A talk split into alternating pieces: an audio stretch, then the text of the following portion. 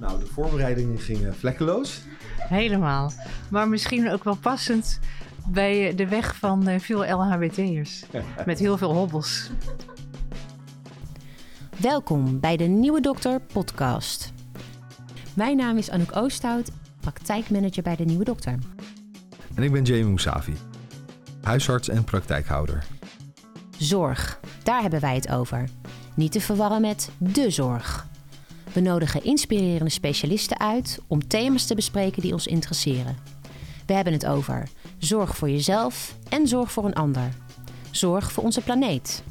Over zelfzorg, kopzorg, you name it. Vandaag gaan we het hebben over inclusiviteit, acceptatie, eigenlijk dus zorg om een ander. En ehm, ja, dat ehm, is ook een beetje zorg voor jezelf. Zeker. En ehm, we gaan spreken met Evelien van der Putten. Ja, over het thema LHBTIQ+. Wauw, dat kwam er best wel, eh, best wel goed uit. We hebben ook een paar keer geoefend, denk ik. Eveline is een eh, bevlogen verteller en schrijver. Ze schreef onder andere Stormachtig Stil. Dat gaat over roze ouderen. En ze schreef ook Nieuwe Namen. Het boek dat gaat over transgender ouderen. Ehm, daarnaast geeft ze regelmatig gastcolleges over LHBTIQ uh, op hogescholen. En uh, wordt ze ook veelvuldig uitgenodigd op symposia en congressen um, waar dit thema wordt aangesneden. En tot slot is ze ook nog fotograaf. Het is uh, een bezige bij en heel veelzijdig. En um, ze richt zich daarin veelal op mensenrechten en empowerment. Um, ze gebruikt dus eigenlijk kunst als middel om taboes te doorbreken en mensen een stem en een gezicht te geven. Dat even in het kort over Eveline. Maar we gaan even terug naar het thema voor vandaag. LHBTIQ+. Dat is een hoop letters. Maar waar staan die nou eigenlijk voor? Uh, L staat voor lesbisch, lesbische vrouwen, vrouwen die van vrouwen houden. LH, homoseksueel, mannen die op mannen vallen. B, dan ben je in de gelukkige omstandigheden dat je op beide verliefd kan worden en seksueel aangetrokken kan voelen. LHBT, transgender. I, personen met een intersexe conditie. Q, de Q dat staat voor het Engelse woord queer, wat eigenlijk anders, vreemd, raar betekent, maar ook een beetje een geuzenterm is en veel door jongeren uit de community wordt gebruikt. Hoe, uh, hoe kan het dat, uh, uh, dat er elk jaar een nieuwe term bij komt, zoals je zelf zei? Soms moet je dat specifieke laten zien om goed te kunnen emanciperen. Soms moet je dat even benoemen, want dat is ook wel vaak een discussie hè, van waarom nou aandacht specifiek voor deze groep. Hè? Het moet toch normaal zijn en dan komen jullie met dit soort dingen. En ik zeg dan altijd van ja, nee, dat is zo. Maar om goed geaccepteerd te worden, in welke vorm van uh, minderheid dan ook, hè, moet je soms eerst heel hard je stem laten horen. Zijn meer letters ook die gebruikt worden. Ja. Seksualiteit aan te geven. Ja. Ja, zoals de A, geloof ik, en de B. C. Dus dat is eigenlijk onder de paraplu plus. Ja. Dus ik ben nog wel een beetje nieuwsgierig wat dat dan behelst. Wat betekent plus? Ja, zullen we even verder gaan met de overhoring? De, de A is van aseksueel. Dus mensen die eigenlijk niet echt geïnteresseerd zijn in uh, seksualiteit. De P is van panseksueel. Dan uh, pan alles. Dan maakt het niet uit hè, of iemand bijvoorbeeld uh, transgender is, homo, hetero. Maar je valt gewoon echt op die persoon, om wie hij of zij is. En de C, daar moet ik even over nadenken. Volgens mij was dat cisgender. Ah ja, dus, ja. Maar cisgender, dat is. Uh, ja, het lijkt wel een overhoring, zeg zo. dus morgens vroeg. De C van cisgender, ja, die weet ik ook. Cisgender, dat is. Um, um, ik ben een cisgender vrouw. Dat wil zeggen, ik ben geboren als vrouw en ik voel me ook vrouw. Ik ben dus geen transgender vrouw, dat ik eigenlijk geboren ben ooit als jongen, maar me presenteer of me als vrouw nu voel. Dus dat is de C van cisgender. Het gaat over uh, uh, je seksuele voorkeur eigenlijk. Uh, het gaat over je seksuele identiteit. En over, eh, wat was die derde ook alweer? Ja, je genderexpressie meer, toch? Ja, genderidentiteit en genderexpressie zijn eigenlijk nog twee verschillende dingen. Als we dan toch al even met definities bezig zijn, dan kunnen we zeggen: je hebt uh, je, je gender, je seksen, zoals je geboren wordt. Hè, dus dat kan zijn man of vrouw. Um, of intersex, dat dat dus ja, niet zo heel strak duidelijk is. Dat is, is je seksen. En je genderidentiteit is hoe jij je voelt. Dus het kan best wel zijn dat je hè, seksen man is bij je geboorte, maar misschien voel je helemaal geen man en denk je, ik ben een vrouw. Of andersom. Of dat je denkt, ik ben genderfluid, ik voel me eigenlijk een beetje daartussenin. En mijn genderexpressie, hoe ik me dus kleed en, en hoe ik dat laat zien, kan per dag verschillen als je genderfluid bent. De ene keer misschien heel stoer mannelijk en de andere keer juist vrouwelijk. Of je zegt, nee, mijn genderidentiteit is niet dat geslacht waar ik in ben geboren. Maar ik ben misschien geboren als man, maar ik voel me vrouw en zo laat ik mezelf ook zien.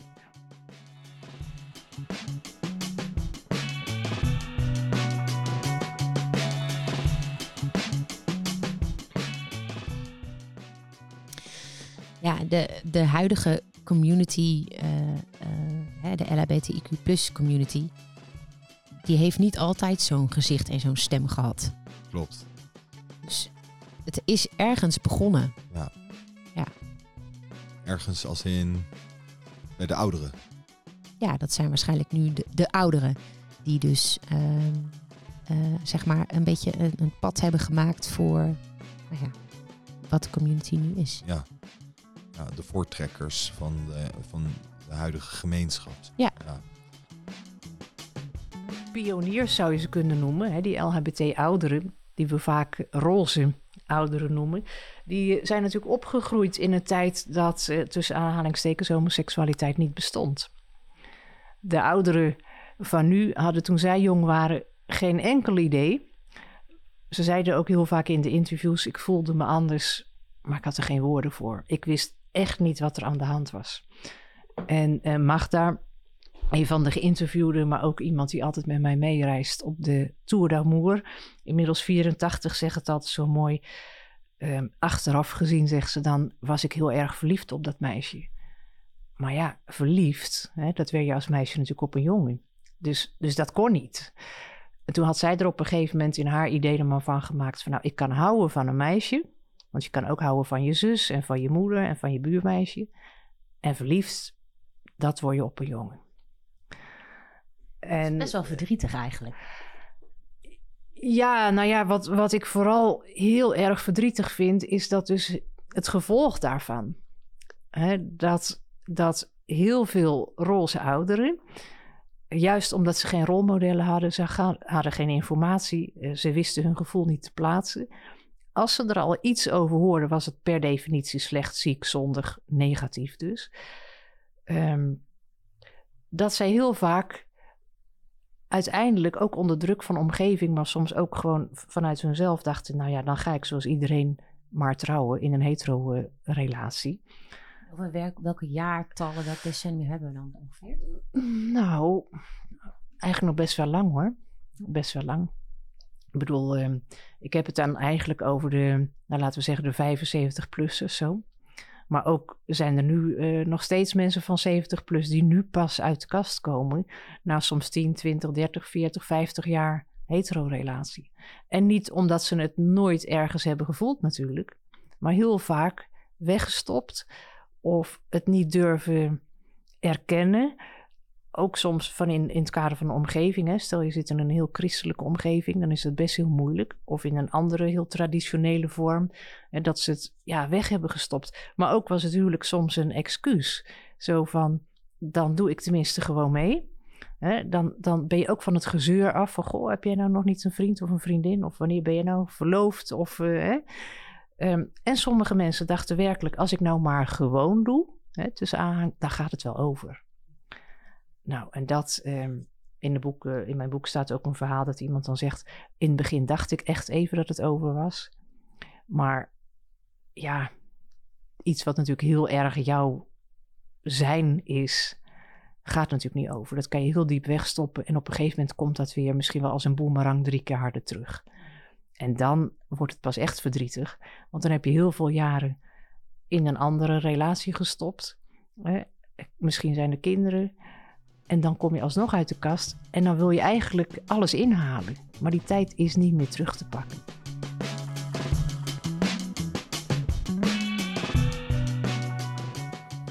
Ja, de verloren tijd niet meer kan inhalen. Heel triest. Ja, verdrietig hè? 70 jaar en dan, uh, ja, dat is echt wel, uh, dat vind ik wel triest. Zeker. Uh, Evelien noemde ook nog um, in reactie voor Tour de Amour.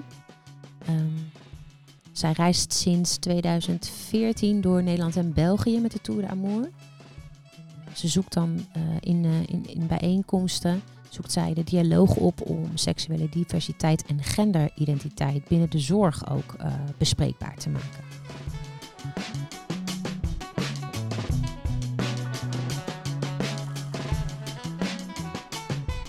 Sowieso is het natuurlijk iets wat altijd en overal bestaan heeft. Er, zijn nog altijd mensen die zeggen in onze cultuur komt het niet voor of in onze familie komt het niet voor. Nou, dan zeg ik altijd gefeliciteerd hè, tot de dag dat uh, je kleinzoon uit de kast komt. Maar uh, dat is natuurlijk onzin. Het heeft altijd overal bestaan. Nou ja, je haalt de Romeinen aan. De, daar heb je nog wel heel mooie homoerotische beelden en weet ik veel. Dat, dat was heel open. En het was gewoon bekend dat die keizers leuke jonge vriendjes hadden. Als je kijkt ook uh, naar bijvoorbeeld de jaren 20, 30 in Berlijn. Hè, dat was ook een hele levendige homocultuur. Alleen ja, op een gegeven moment um, werd dat toch wel anders. En het is natuurlijk toch.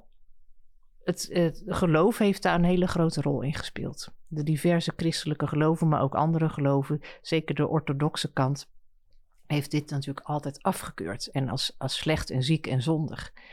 Maar vergis je niet ook bijvoorbeeld de westerse wetenschap. als je bedenkt dat um, de DSM, het handboek van de psychiatrie, pas in 73, 1973 homoseksualiteit heeft weggestreept als zijnde een afwijking. Dat is echt niet lang geleden.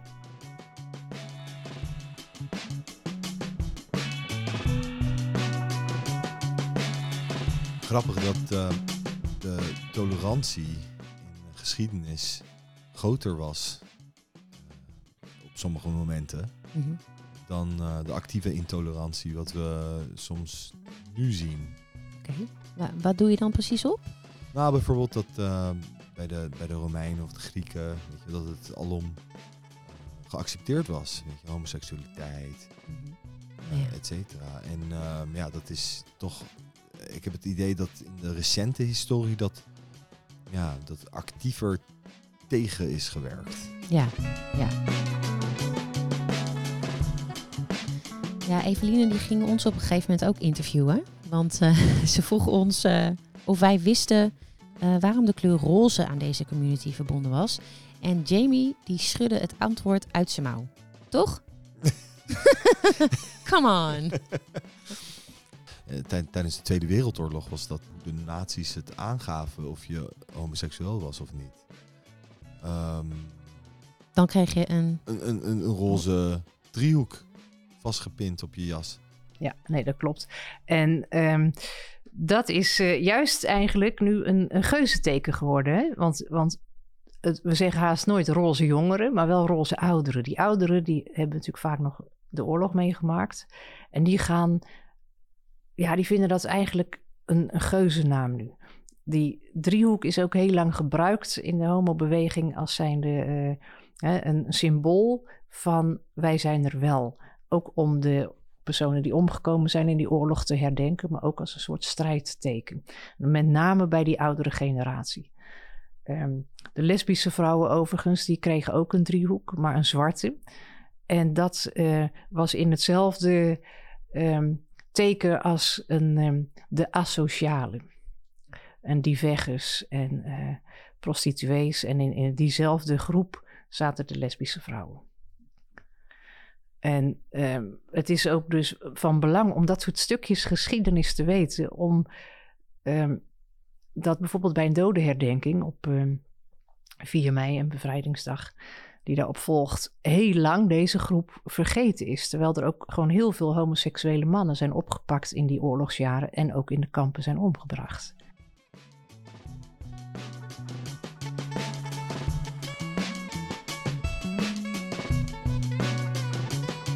Jij stelde, ik weet, ik weet nog dat je een lange vraag stelde over hè, je, De, de grondrechten. ja, En, en ja, het is toch apart dat je, dat je dus al, ja, laten we zeggen, dat wij allemaal grondrechten hebben. En dat je toch nog een soort van extra moet benadrukken dat mensen uit deze gemeenschap ook die rechten hebben. Ja. ja. En Ja. dus, eh, dus, dus ja, steun moet blijven worden gegeven aan zo'n gemeenschap. Dat vind ik toch ja, en- enigszins jammer dat dat telkens benadrukt moet worden. Maar blijkbaar is daar dus eh, een soort van, is dat noodzakelijk. ja. Ja. Ja, nou ja, we gaan luisteren naar Evelien. Ja, eh, dat klopt. Die, Ja. die grondrechten zijn er, maar de mensen die houden zich natuurlijk niet allemaal aan die grondrechten. Dus die, die grondrechten, daar gaan we van uit. Maar niet iedereen houdt zich daaraan. Dus je kan zeggen, je hebt vrijheid van eh, godsdienst of je hebt vrijheid van eh, eh, je seksuele geaardheid beleven en noem maar op. Maar als ik vind dat jij eh, een viezerik bent, ja, misschien ken ik niet eens die grondrechten, maar ik vind dat dus. Oké, dan vind je dat. En dan? Nou, dan ligt het aan wie die persoon is. De een zal dat alleen maar vinden en de ander denkt, nou, die moet ik in elkaar timmeren. Maar goed, ik bedoel, blijf met je poten van mijn poten af, Ja, toch? ja precies. En eh, wat is daarmee gebeurd? Wa- Waar is die sentiment gebleven? Dat is een goede vraag. Eh, Lees alle berichten. In het begin van het gesprek zeiden we al van het lijkt dat die homohaat of geweld tegen homo's toeneemt. Ik zei al, ik vind dat de maatschappij vertrut. Hè. Dus meer, eh, ja, alles moet maar weer gewoon huisje, boompje, beestje zijn. Dus zijn er steeds meer mensen die ofwel geweld tegen homo's gebruiken. Gelukkig zijn er ook steeds meer homo's die de weg vinden naar bijvoorbeeld Roze in Blauw. Ook een afdeling van de politie waar ze zich vrij durven uiten en dus ook aangifte durven doen.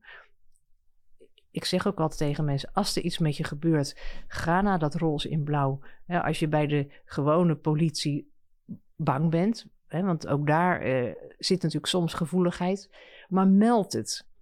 Hoe meer er natuurlijk gemeld wordt, hoe meer er ook inzicht, eh, inzichtelijk gemaakt wordt wat er gebeurt. En kan je daar ook met z'n allen als maatschappij op reageren.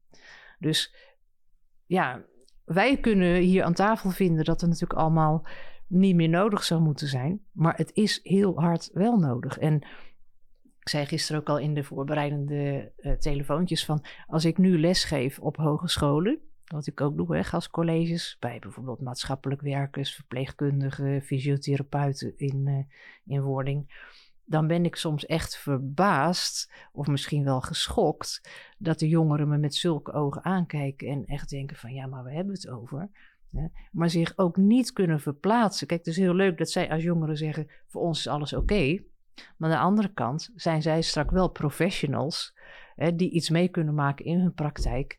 En dus ook moeten kunnen inleven dat die persoon die ze tegenover zich hebben het misschien wel veel ingewikkelder vindt dan zij. Ja. En zij, willen, zij moeten zich wel durven uitspreken aan jou. Ehm, want misschien heeft hun probleem waarvoor ze hulp zoeken juist wel daarmee te maken.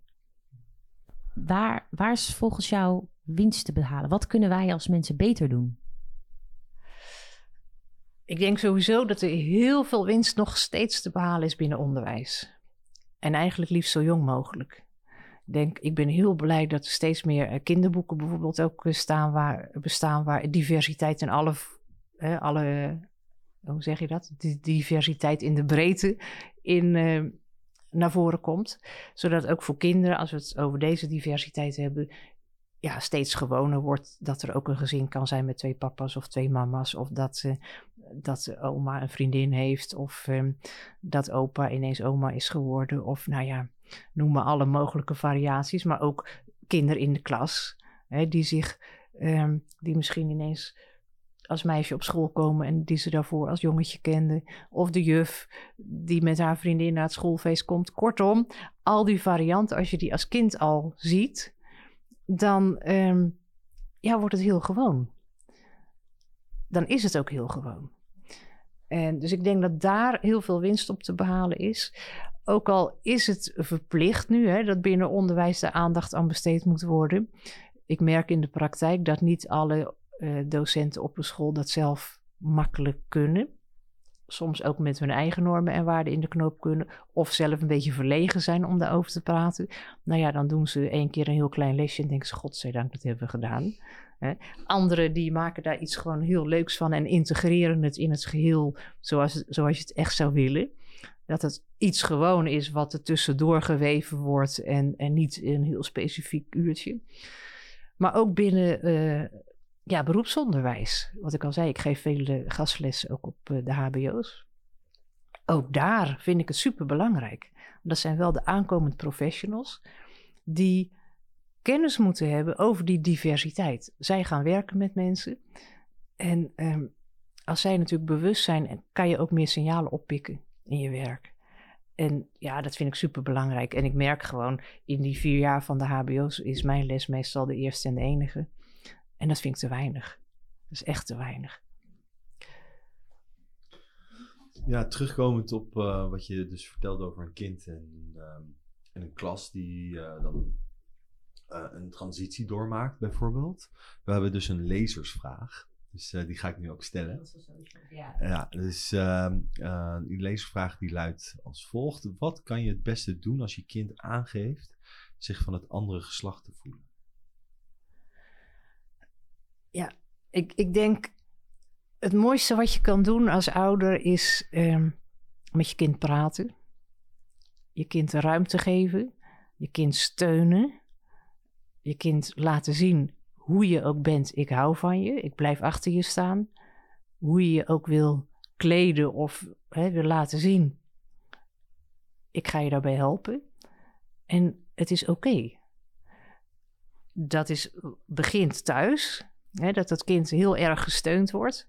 Maar vervolgens, zeker als het echt een kleinkind is, dat je ook met je kind meegaat naar school.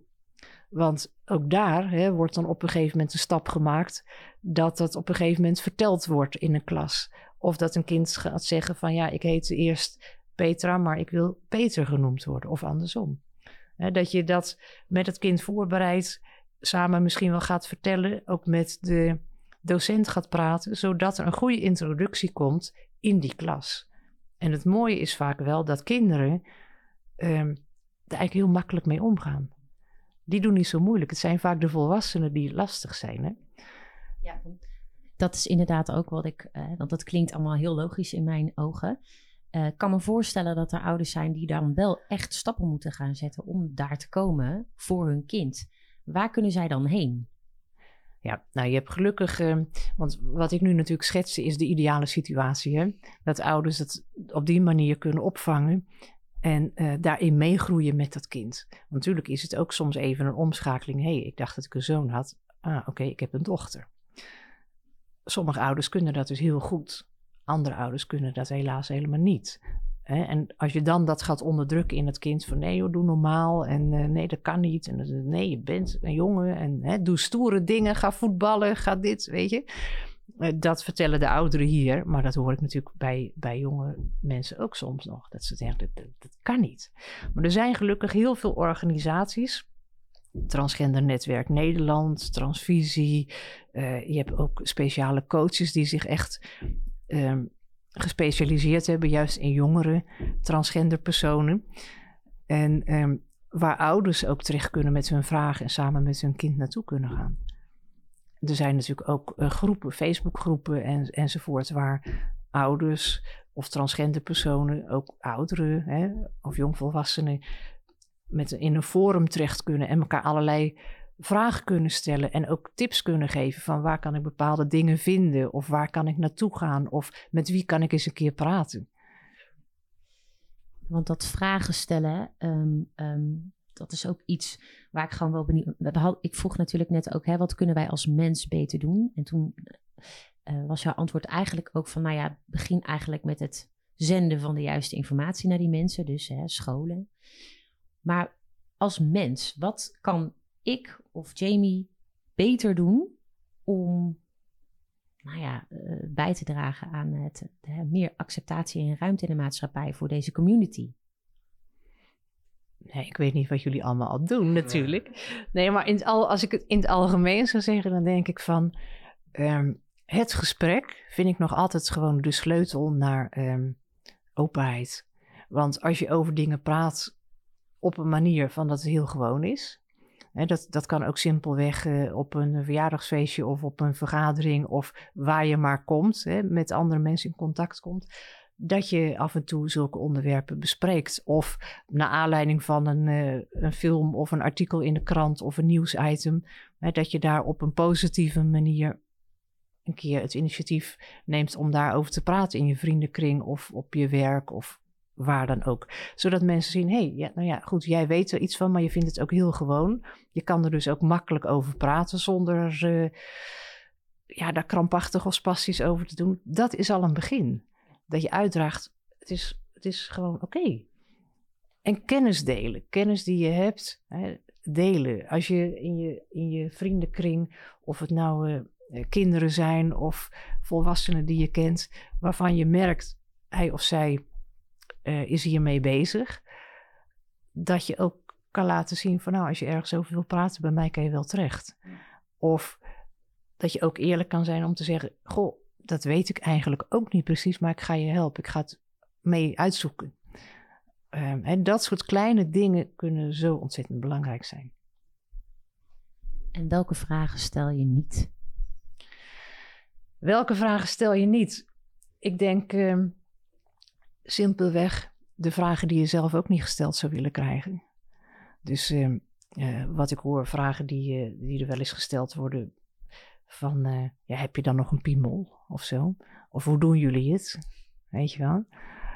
Dat soort impertinente vragen waarvan je zelf ook zou denken, nou, als ze dat aan mij zouden vragen, zou ik ook zeggen van, joh, hè, waar bemoei je mee? Dus ja, het is een beetje echt wat gij nu wil dat u geschiet, doe dat ook een ander niet. Ik denk dat dat, dat, dat, dat eigenlijk het beste antwoord is. Geef de ander ook de ruimte. kijk wat hij of zij wel wil of kan vertellen, maar ga niet uit van je eigen sensatie of nieuwsgierigheid. Waar ik toch mee zit, is dat ik... Stel, je, je kent iemand die een kind heeft die een transitie doormaakt bijvoorbeeld. Moet je daar nou over beginnen? Of laat je het gaan? Of ja, zit, zitten ze op me te wachten, weet je wel? Willen ze juist dat ik iets vraag? Wanneer verandert die interesse in sensatiezucht? Ja, ja, ik vind het heel lastig. Ja. ja. Nou ja, misschien kan, kan het ook iets breder. Hè? Als, als je het nu schetst als een situatie, bijvoorbeeld op het schoolplein, wat je ziet gebeuren. Dat je ook, ehm, als dat al niet gebeurt met bijvoorbeeld zo'n schoolleiding of met die docenten van die school, kan praten van hé, hey, ehm, is het misschien een mooi thema voor eens een keer de nieuwsbrief van de school? Of de schoolkrant als die nog bestaat? Of is het niet eens mooi als we ehm, bijeenkomsten die er misschien zijn op scholen over allerlei onderwerpen, dat we hier ook eens een keer aandacht aan, bespreken, aan, aan besteden, aan bijvoorbeeld genderdiversiteit. Daarmee voorkom je dat eh, je in die privékring van die ouders komt, die misschien denken, ja, maar wie ben jij dan? Hè? Maar je laat wel in een breder kader zien van, hé, hey, we kunnen hier wel eens een keer aandacht aan besteden. Want misschien is het ook wel iets wat de andere ouders ook signaleren, maar niet goed begrijpen van wat, wat gebeurt daar nou met het kind. Hè? Misschien is het een kind ook wat bij hun kinderen thuis komt spelen. Maak het breder in zo'n soort setting dat het een item wordt wat op school besproken wordt. In de les, maar ook met de ouders.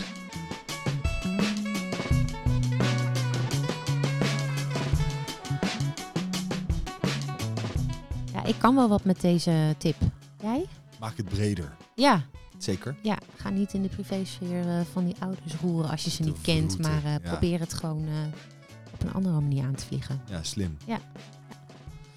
Oké, we gaan door naar een volgend onderwerp. Want ehm, zoals we al hebben eh, vermeld, heeft Eveline ook boeken geschreven. Ze gaat wat voordragen uit eh, Stormachtig Stil. Laten we luisteren. Hier ehm, is het verhaal van een eh, oudere lesbische vrouw. Die eigenlijk hier illustreert ook van wat ze ja, vroeger wel wist en niet wist. Maar ook ehm, het ongemakkelijke tijdens een college wat er gebeurde. Inmiddels had ik er wel iets van begrepen door de psychiater op de opleiding. Ik had les van een van de bekendste psychiaters van Nederland, Herman Moesaf.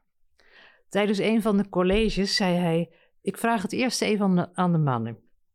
Als uw vriend tegen u zegt dat hij homo is, blijft hij dan uw vriend? Niet iedereen stak zijn hand op. En even later stelde hij diezelfde vraag aan de vrouwen. Als uw vriendin zegt dat ze lesbisch is, blijft u bevriend met haar? Ik verstijfde helemaal, want door zijn vragen en door de lessen psychologie viel het kwartje. Hé, hey, dacht ik, zo zit ik ook in elkaar. Tot die tijd had ik geen idee van homofilie. Ik herinner me nog dat ik naar dansles ging. Ik zat toen in de vijfde van de middelbare meisjesschool en men zei dat de dansleraar homo was. Ik was 19, maar ik had geen idee wat dat betekende. Eén ding wist ik wel: ik moest er maar niet naar vragen, want op de een of andere manier deed het allerlei alarmbellen in me rinkelen. Ik voelde dat dit gevaarlijk gebied voor me was. Op diezelfde meisjesschool werd ik radeloos verliefd op de gymjuf. En toen ik maanden niet naar school kon, omdat mijn rug in het gips zat, aangezien ik te snel groeide, kwam de directrice en de gymjuf op bezoek. Ze zeiden dat het niet gek was dat jonge meisjes dweepten met een lerares.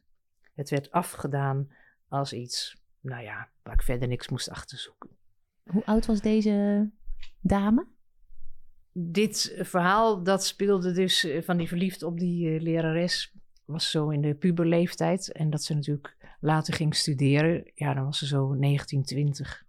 Dat kwartje val, maar dat ze dacht, mm -mm, it's too dangerous, maybe it's about me.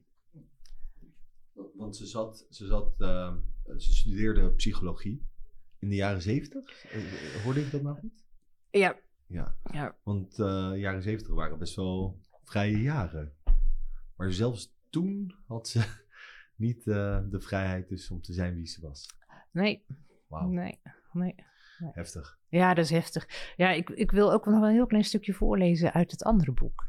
Want het mooie is ook hoe. Um, dat, dan zie je ook hoe ouders. Want jij vroeg net hè, bijvoorbeeld op een schoolplein: wat zou je kunnen doen? En ik heb hier een heel mooi fragment um, van een van de oudste transgender personen in België, Corine.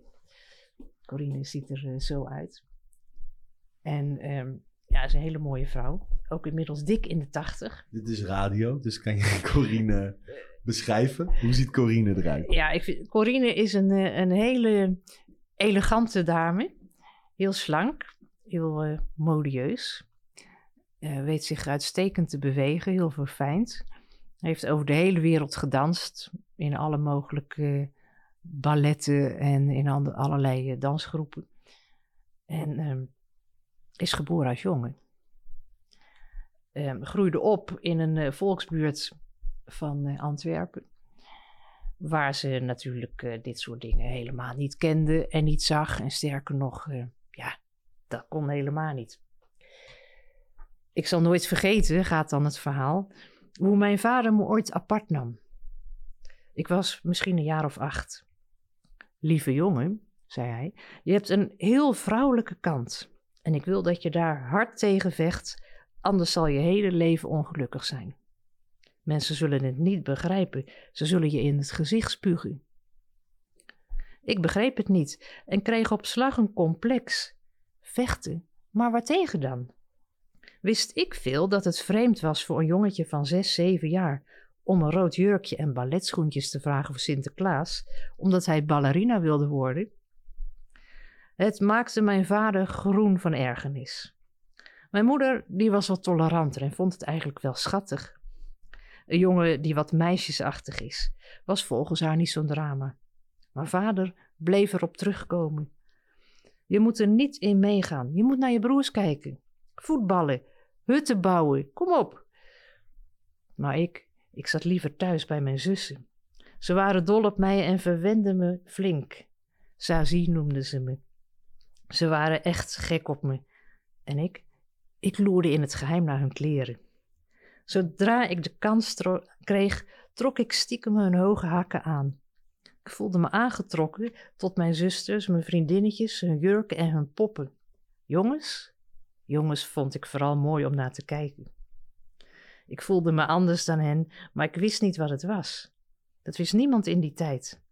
Een vrouwelijke jongen, dat was een homootje, een verkeerde. En dat afschuwelijke woord deed me soms echt geloven dat ik verkeerd en ziek was. Maar spreken over zulke dingen, dat deed men vroeger niet, het was taboe. En als ik al eens wat hoorde, was het negatief. Ik weet nog hoe we zomers gezellig met z'n allen voor het huis zaten. En op een dag liep er een als vrouw geklede man voorbij. De buurtbewoners lachten hem uit en begonnen van alles te roepen. Vreselijk vond ik het. Vreselijk en fantastisch tegelijk. Want wat ik daar zag, herkende ik. Er ging me een lichtje op. Misschien was ik niet de enige. Dankjewel, dat was een stuk uit Nieuwe Namen. Um, nu hebben we hier in, het, uh, in onze praktijk hebben we ook uh, mensen met nieuwe namen. En uh, wat, ik, wat ik opmerkelijk vind is dat eh, deze mensen die in transitie zitten, dat zij bij andere huisartsen um, heel erg, ja, nou, niet geaccepteerd wil ik niet noemen, maar dat, dat ze een weerstand voelen. De andere huisartsen een weerstand voelen om ze te helpen. En uh, waar denk je dat dat aan ligt? Ja, kan ik natuurlijk niet zo precies zeggen van wat precies de weerstand is die ze voelen. Um, ik vind het wel erg om te horen dat ze dat voelen. Want ik vind uh, uh, dat iedere hulpverlener en zeker een huisarts ten eerste kennis van zaken zou moeten hebben en ten tweede ook een vertrouwenspersoon is waar ieder mens met al zijn vragen um, terecht kan. Hè? Zonder de norm van die huisarts te voelen. Um, dat, dat vind ik heel kwalijk eigenlijk. Hè? Als ze zich niet welkom voelen of niet geholpen weten door dan een huisarts waar ze naartoe zouden gaan. En waar dat aan ligt, ja, dat, dat kan natuurlijk van alles zijn. Dat kan zijn misschien uh, het gebrek aan kennis van die huisarts. kan zijn uh, misschien een geloofsovertuiging van die huisarts. Het kan misschien ook iets anders zijn. Maar ik vind dat dat uh, niet zou moeten. Zeker niet bij hulpverleners. Daar gaat het niet over wat jij vindt. Hè. Je hebt ook iets getekend vroeger bij het afstuderen dat je iedereen gaat helpen, ongeacht wat je tegenover je krijgt aan vragen of personen. Ja, ik, denk ook wel dat ze willen helpen. Het gaat erom dat het zo blijvend is als ze worden geholpen. En dat ze, denk ik, bang zijn uh, dat ze de verkeerde keuze maken. Of tenminste, bang zijn dat degene tegenover hun een keuze maakt waar ze op terug gaan komen. Is dat iets wat je hoort in de community? Of? Ja, maar dan hoor ik ook vanuit de community. Wie zou nou beter weten hoe ik me voel dan ik zelf? En uh, dat vind ik heel belangrijk. Kijk, er is natuurlijk nu binnen de transgenderzorg. En er zijn organisaties die daar veel meer over kunnen vertellen dan ik. En maar hè, ik noemde al transvisie, transgender, uh, netwerk Nederland en, en nog veel meer personen uh, T-Nederland. Uh, er is een heel traject voordat je echt in transitie kan gaan. Hè, met een heel lang gebeuren met psychologen. Uh, de zogenaamde real-life fase. Dat je echt een hele tijd moet manifesteren, laten zien in dat gewenste geslacht. Op die manier ook gekleed naar je werk moet, et cetera, et cetera. Dat is een hele lange weg. Aan de ene kant snap ik dat omdat het niet zomaar iets is, wanneer je tenminste echt in medische transitie gaat en operaties zou willen doen, hè, geslachtsaanpassende operaties, dat is niet omkeerbaar. Dus dat je als hulpverlener dat zeker wil weten dat dat dan ook echt de bedoeling is. Maar nogmaals, wie weet het beter dan die persoon zelf?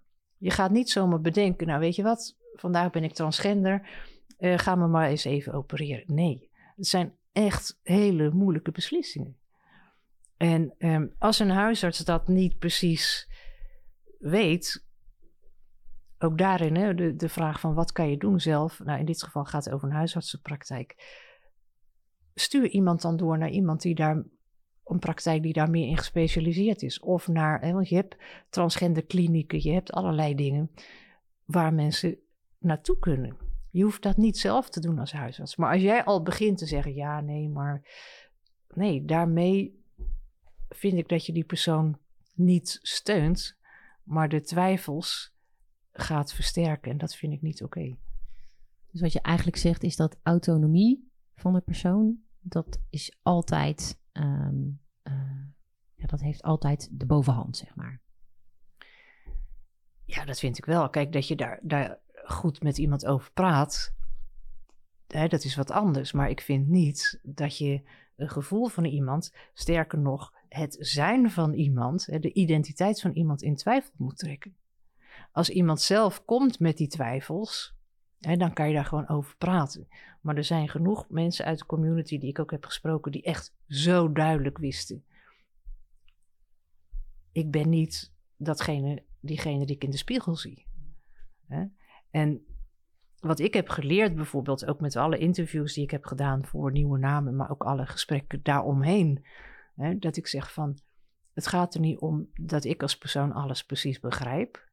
Maar het gaat er wel om dat ik kan voelen en respecteren dat degene die ik tegenover me heb, is zoals die is. En um, ook een mooi voorbeeld was dat toen ik op een gegeven moment een dame van 70 plus interviewde. Die had uh, maar een half jaar voor dat interview die geslachtsaanpassende operaties gedaan. En ik zag dus echt een stralende persoon op die bank zitten. Ze was zo blij en ze zei ook, nou ja, al zou ik nu nog maar een half jaar leven, ben ik tenminste een half jaar echt helemaal mezelf geweest. En uh, ja, precies. En toen ik dat dus ergens vertelde, toen zei iemand, ja jeetje, moest dat nou nog zo nodig? En 70 plus, ik bedoel, ik zeg ja, dat moest zo nodig. En gelukkig dat dat kan.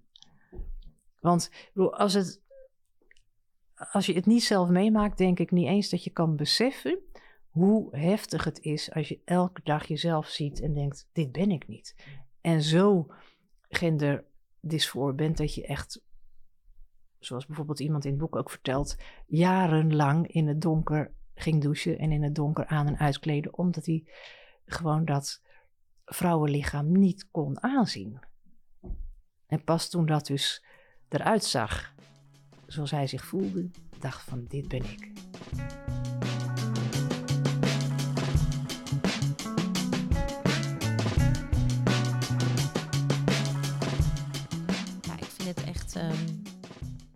Hoor het. het lijkt me, ik kan me gewoon zo moeilijk verplaatsen in dat je dus niet kan identificeren met het lijf waar je in zit kan niet voorstellen hoe moeilijk dat moet zijn als je dat ervaart. Dat, dat, moet, uh, dat moet zeer complex zijn. Ja. Er zijn psychologen die betwijfelen of het nou uh, niet een, een, psychologische stoornis is. Bijvoorbeeld dat je, nou, laten we zeggen, dat je, uh, dat je een persoonlijkheidsstoornis hebt. Ja, ja. ja deze mensen die, tenminste wat, wat ik begrijp, is dat ze zijn, als ze kijken in een spiegel, mhm. dan zoals ze zich voelen, dat zien ze niet terug in de spiegel. Nee. Dat moet zeer complex zijn. Ja. Zeer ingewikkeld voor deze mensen. Ja. Oké, goed. Even dit deel afsluitend. Um, hè, we hebben het natuurlijk net al over gehad over uh, hè, wat kunnen wij nou doen. Um, maar welke rol heeft de overheid nog Moeten ze meer campagnes gaan maken? Of uh, dit, dit thema, LHBTIQ+, om dat echt nog meer die samenleving te, hè, te rammen. Ja. dus daar gaan we even naar luisteren. Ja. Ik denk, uh, één, sowieso meer aandacht, ik heb het al eerder genoemd, binnen dat onderwijs. Hè?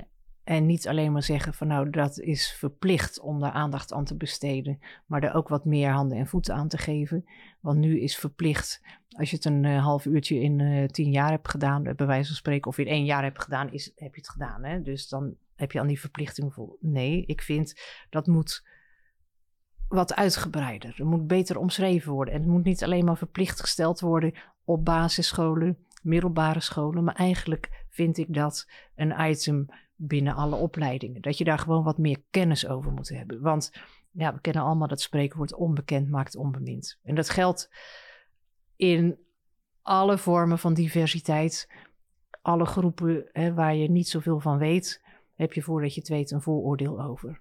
Pas wanneer je elkaar kent of mekaars verhalen kent, kan je denken: hé, hey, maar eigenlijk willen we hetzelfde in het leven. We willen allemaal gelukkig zijn en iemand die van ons houdt en uh, een dak boven ons hoofd, et cetera. Daarom vind ik ook het verhalen delen van de groepen waar ik over heb geschreven zo belangrijk. Um, ja, wat kan de overheid nog meer doen? Um, ook al doet die overheid het misschien niet in alle mogelijke wetten en regels, kom ik weer, wat kunnen wij zelf doen? Hè? Dat wij er zelf of je nou wel of niet tot die community uh, behoort, maar gewoon aandacht voor blijven hebben. Als je ergens werkzaam bent, bijvoorbeeld, programmeer ook eens een LHBT-film in als je een filmfestival doet. Hè? Als je een boekenkast hebt staan in een centrum of wat voor plek waar je ook werkt, zorg dat daar ook diverse literatuur in staat. Um, je hoeft niet alles op de overheid af te schuiven. Want ik zeg wel eens van ja, ik, ik persoonlijk heb daar pest in. Ja, maar de gemeente doet dit niet, of de gemeente doet dat niet, of de overheid doet zo niet. Dan denk ik, ja, maar wat doe jij? want je begint toch, vind ik, los van alle regels die opgelegd worden, begin je zelf in je kleine micro-omgevingje door dingen te doen of door dingen te laten. Dat vind ik eigenlijk nog wel bijna belangrijker. Ja, ja en, en, en voorvallen zoals uh, vorig jaar had je had je een school die uh, als, uh, als inschrijving moest je dan aangeven wat je geaardheid was, bijvoorbeeld. Dat soort dingen gebeuren nog steeds helaas. Ja, ja in Gorkum bedoel je? Uh, bijvoorbeeld. Ja. dat was volgens mij niet de enige school die dat deed, overigens. Maar stel, dat gebeurt weer. Wat verwacht jij van een minister van Onderwijs op zo'n moment? Nou, dat hij zich daartegen uitspreekt. Ik verwacht liefst uh, duidelijkheid. En gelukkig hebben we natuurlijk ook landelijke organisaties, zoals een landelijk COC, hè, die vooral als belangenbehartiger van de hele LHBTIQ community daarin ook een stem laten horen. Dat zijn ook de gesprekspartners die op dat niveau natuurlijk dingen aan kunnen kaarten. En voor dingen vechten dingen ook in de publiciteit brengen, et cetera. Zodat men ziet, één, wat er gebeurt en twee, dat dat niet kan.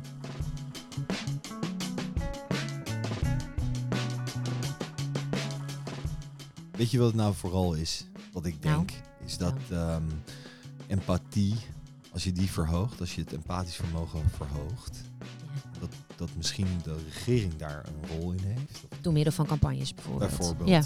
Ja, of uh, opleidingen, dat je dat... Uh, ja, dat je, dat je dan... Spoedcursus empathie. maar dat je leert hoe, hoe het nou voelt om uh, bijvoorbeeld... weet je wel, of dat je, dat je dan kan verplaatsen in een ander. Ja. Als je die vermogen nou verhoogt bij de samenleving. Ja. Dat zou heel mooi zijn. Ja. Voor heel veel andere onderwerpen. Zo. Maar dan gaan we denk ik te ver van het onderwerp van. Ja, dan wijken we af. Empathie dus. Nou, daar kan ik me wel in vinden. We hebben al heel veel onderwerpen aangesneden uh, uh, binnen deze podcast. En ondanks dat wij geen podcast maken over de zorg, zijn we toch ook benieuwd wat een huisartsenpraktijk beter zou kunnen doen als het gaat om LHBTIQ.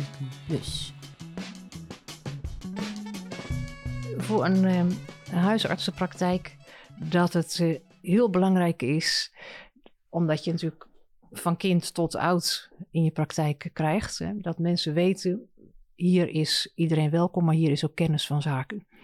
Symboliek voor deze uh, community is nog steeds, steeds heel erg belangrijk. En dan bedoel ik daarmee bijvoorbeeld een regenboogvlag of iets anders.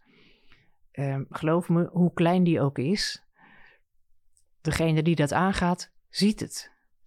Hè, die ziet dat gewoon echt. Al is het zo'n mini-vlaggetje van, van hè, zo'n vlaggetje wat op eh, een blokje kaas staat, bij wijze van spreken. Men ziet dat. Ehm, dus dat kan al iets zijn. Stel, er is een, een folderrek in een algemene ruimte. Zorg voor diversiteit aan folders. Dat er bijvoorbeeld ook folders staan over eh, de roze loper, het kwaliteitskeurmerk voor LHBT-vriendelijke zorg, of van een COC, of van inderdaad roze 50 plus, zodat mensen van diverse leeftijden zien: hé, hey, er staat ook iets over ons in. Daar is dus over nagedacht. En twee, al durf ik misschien nog niet zo goed het gesprek aan te gaan, ik vind hier wel een folder waar ik verder mee kan. Um, bijscholing. Hè? Bijscholing is uh, natuurlijk ook belangrijk. In jullie geval hebben jullie een grote, ik noem het maar even voor het gemak, een groepspraktijk met diverse disciplines die onder één dak werken. Allemaal kunnen ze natuurlijk met diversiteit en krijgen ze met diversiteit te maken. Of het nou de logopedist is met bijvoorbeeld stemvorming voor transgender personen, maar ook de verloskundige kan natuurlijk met twee papa's, twee mama's uh, te maken krijgen, of met een dragenmoeder, of met alle mogelijke varianten van dien. Uh, de fysiotherapeut kan natuurlijk te maken hebben met um, iemand die het moeilijk vindt om uit de kleren te gaan, omdat daar misschien dan ineens duidelijk wordt: hé, hey, er is iets anders aan mijn lichaam dan wat je misschien verwacht op basis van hoe ik eruit zie. Of andere ongemakkelijkheden laat zien van wij weten waar het over gaat. beleg eens met je medewerkers een themamiddag zoals wij hier nu doen bijvoorbeeld. Hè, dat je erover praat. Een training, een bijscholing of wat dan ook. Um, tijdschriften. Als er hè, in zo'n huisartsenpraktijk zie ik zelf altijd voor allerlei bladen.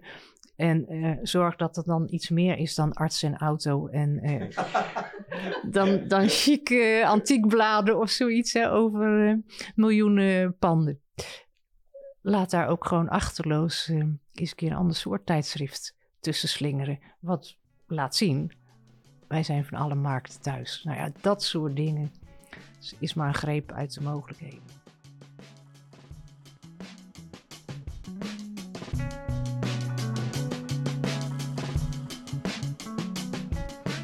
Goede tips. Ja, die vlag. Gaan we sowieso doen. Ja, die moet er komen. Die gaat er komen. Ja. ja. En uh, nou ja, goed. Uh, ik richt me nu naar alle luisteraars. Ja. ja. Als je een jongetje bent die op een, op een jongen valt, of, nou je, of je nou een vrouw bent die zich een man voelt, het maakt eigenlijk niet uit wie je bent. Je bent hier altijd welkom. Ja, dat is mooi. Hè? Ja, en ook voor gesprekken over, nou, als je een mogelijke in transitie wil en uh, er zit natuurlijk een heel traject aan vooraf, als, uh, als dat zover zou komen. Maar ja. ook daarvoor ben je hier ook gewoon welkom. Zeker. Voor dat gesprek. Ja. ja. Ik hoop dat als collega's luisteren, mm -hmm. dat zij ook zo'n uitnodiging hè, zullen uiten. Ja. Dat, ze, dat ze ook uh, iedereen zullen accepteren. Ja. Ongeacht wat ze zelf nou zien of uh, voor, voor beeld hebben van hoe het nou zou moeten. Ja. Je eigen denkbeeld is niet zo belangrijk, denk ik. Nee, zeker niet. Nee. Nou, mooi. Mooi Okay. werk aan de winkel. Yes.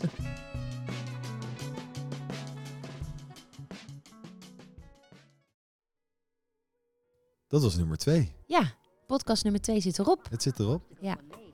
Wat ik graag nog wel even wil benoemen is dat, hè, wat, uh, niet alles haalt natuurlijk de final edit. Um, Evelien heeft het vaak gehad over ouderen en um, hè, over hun, hun weg naar de uit de kast komen. En uh, nou ja, ik heb meermaals gezegd uh, tijdens ons gesprek dat het, dat eigenlijk gewoon heel triest en treurig is om te horen dat, dat je dus 70 jaar lang in de kast zit. En, en hoe krachtig het is dat mensen dus wel op latere leeftijd uit de kast durven komen. Ja. Inspirerend dat is. Ja, en dat ze toch echt nog die laatste paar jaren als, gewoon als helemaal zichzelf. zichzelf. Ja, en dat het belangrijk is dat dat, dat, dat dus nog gebeurt. Juist. Ja. Oké, okay, nou dankjewel voor het luisteren iedereen. Ja. En, um, dankjewel Evelien. Ja, dankjewel Evelien voor uh, je expertise en uh, je rustige uit, tekst en uitleg over alles. En um, nou, tot de volgende keer. Stay tuned voor nummer drie. Yes!